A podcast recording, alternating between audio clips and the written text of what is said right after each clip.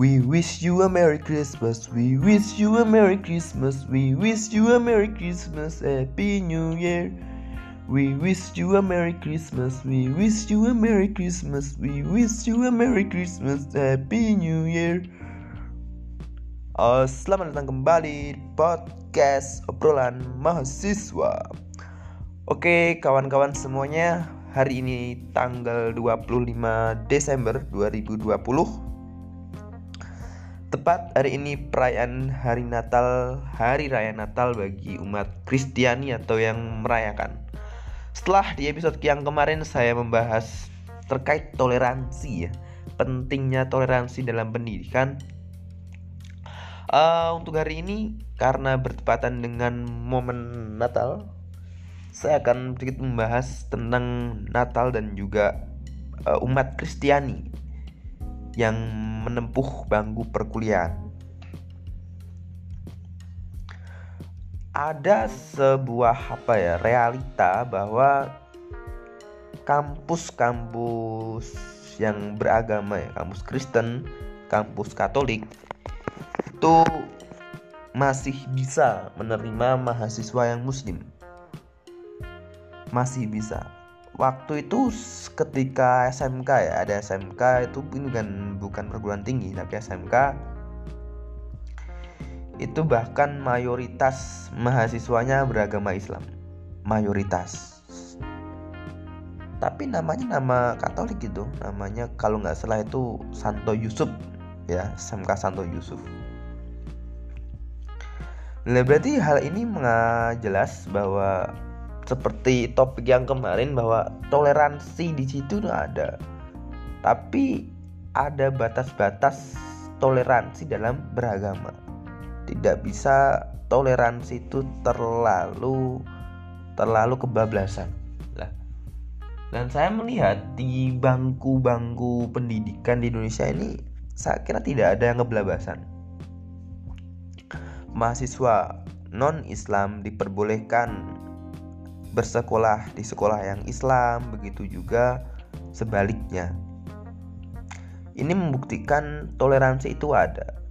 Lah, yang berbahaya adalah ketika nanti adanya sebuah pemaksaan.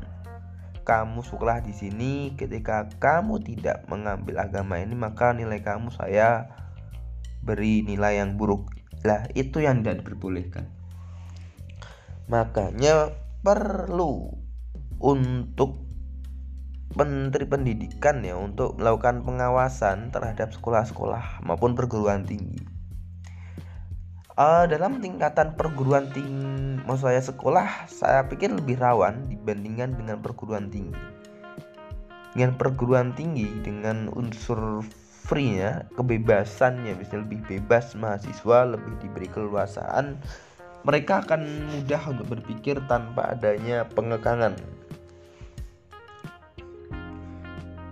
Di kampus-kampus yang notabene adalah kampus Kristen, ya kampus Kristen, namun di situ dimasuki oleh mahasiswa Islam biasanya kesulitannya adalah untuk uh, mencari bimbingan agama di situ karena setiap kampus tentu mempunyai agama yang masing-masing ya. Di kampus Islam tentu di situ ada pelajaran agama Islam. Kampus Kristen di situ ada pelajaran agama Kristen lah. Yang bukan termasuk dari agama itu ya, semisal di kampus Islam yang jelaskan Kristen masuk di situ diperbolehkan. Jelas mereka akan kesulitan untuk mel, apa mencari bimbingan agama tersebut. Lah, inilah yang menjadi persoalan sejauh ini. Karena kalau saya lihat uh, apa tuh? Homogen bukan homogen sih heterogenitas itu ada di kampus-kampus yang umum. Di kampus-kampus yang umum itu komposisi guru-guru agama atau dosen-dosen agama itu sangat apa sangat lengkap biasanya. Tapi kalau di kampus-kampus yang ini kampus Islam ini kampus non Islam itu hanya satu dua saja sesuai dengan background atau latar belakang dari kamus tersebut. Lah, inilah yang harus di di apa? disiasati. Lah nanti mungkin dari ranah pendidikan atau pihak kampus bisa menyediakan dosen yang berada dari luar kampus. Ini berguna untuk memberikan wadah pembelajaran bagi mahasiswa yang tidak ikut mata pelajaran agama di kampus tersebut karena sudah berbeda agama. Ini harusnya juga bisa dipikirkan untuk apa? Untuk apa memudahkan akses memperoleh pendidikan agama. Uh, pentingnya toleransi seperti yang saya kemukakan kemarin itu ada kesinambungannya dengan pendidikan. Pendidikan di Indonesia saya pikir ranah toleransinya dalam hal beragama masih besar.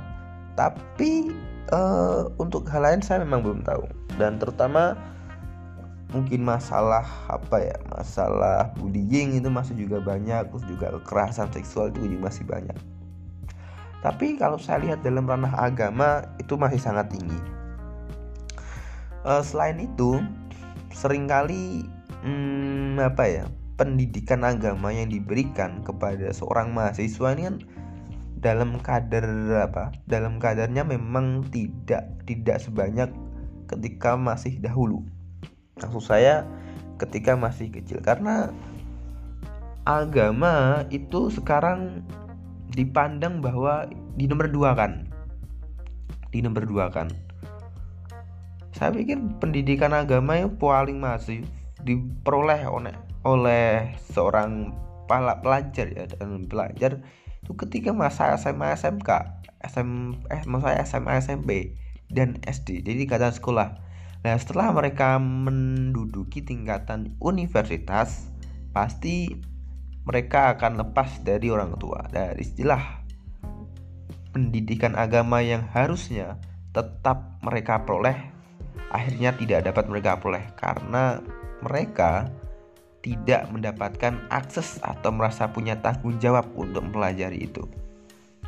Inilah yang perlu dipupuk untuk mematangkan generasi muda, generasi penerus bangsa agar mereka punya orientasi yang kuat terhadap hal religiusitas dalam hal dalam hal religiusitas jangan sampai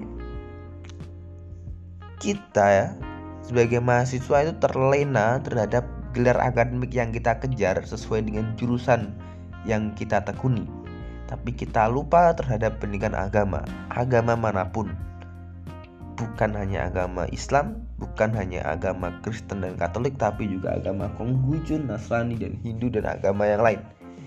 Ini perlu kita tekankan bahwa pentingnya beragama dalam rangka mencetak generasi muda yang bagus dan yang apa yang berwawasan apa berlandaskan agama gitu karena dengan mempelajari agama saya pikir nanti generasi-generasi yang terorbitkan adalah generasi yang baik. Karena tidak ada agama yang mengajarkan sesuatu yang buruk. Inilah yang perlu kita pelajari. Di momen hari Natal ini ya, meskipun saya bukan beragama Kristiani, tapi ini bisa menjadi momen bahwa pentingnya kita untuk mempelajari ilmu agama lebih dalam dan pentingnya juga sebuah kampus menyediakan sarana atau akses kepada mahasiswa yang di situ menjadi minoritas dalam hal agama untuk mendapatkan bimbingan juga entah dari luar ataupun dari dalam kalaupun ada. Ini harus dilakukan sebagai cara untuk mencetak generasi mahasiswa nantinya yang bagus yang berlandaskan apa berlandaskan iman juga Oke, kawan-kawan untuk episode kali ini saya akhiri sekian. Sampai jumpa di episode berikutnya. Terima kasih telah mendengarkan and see you.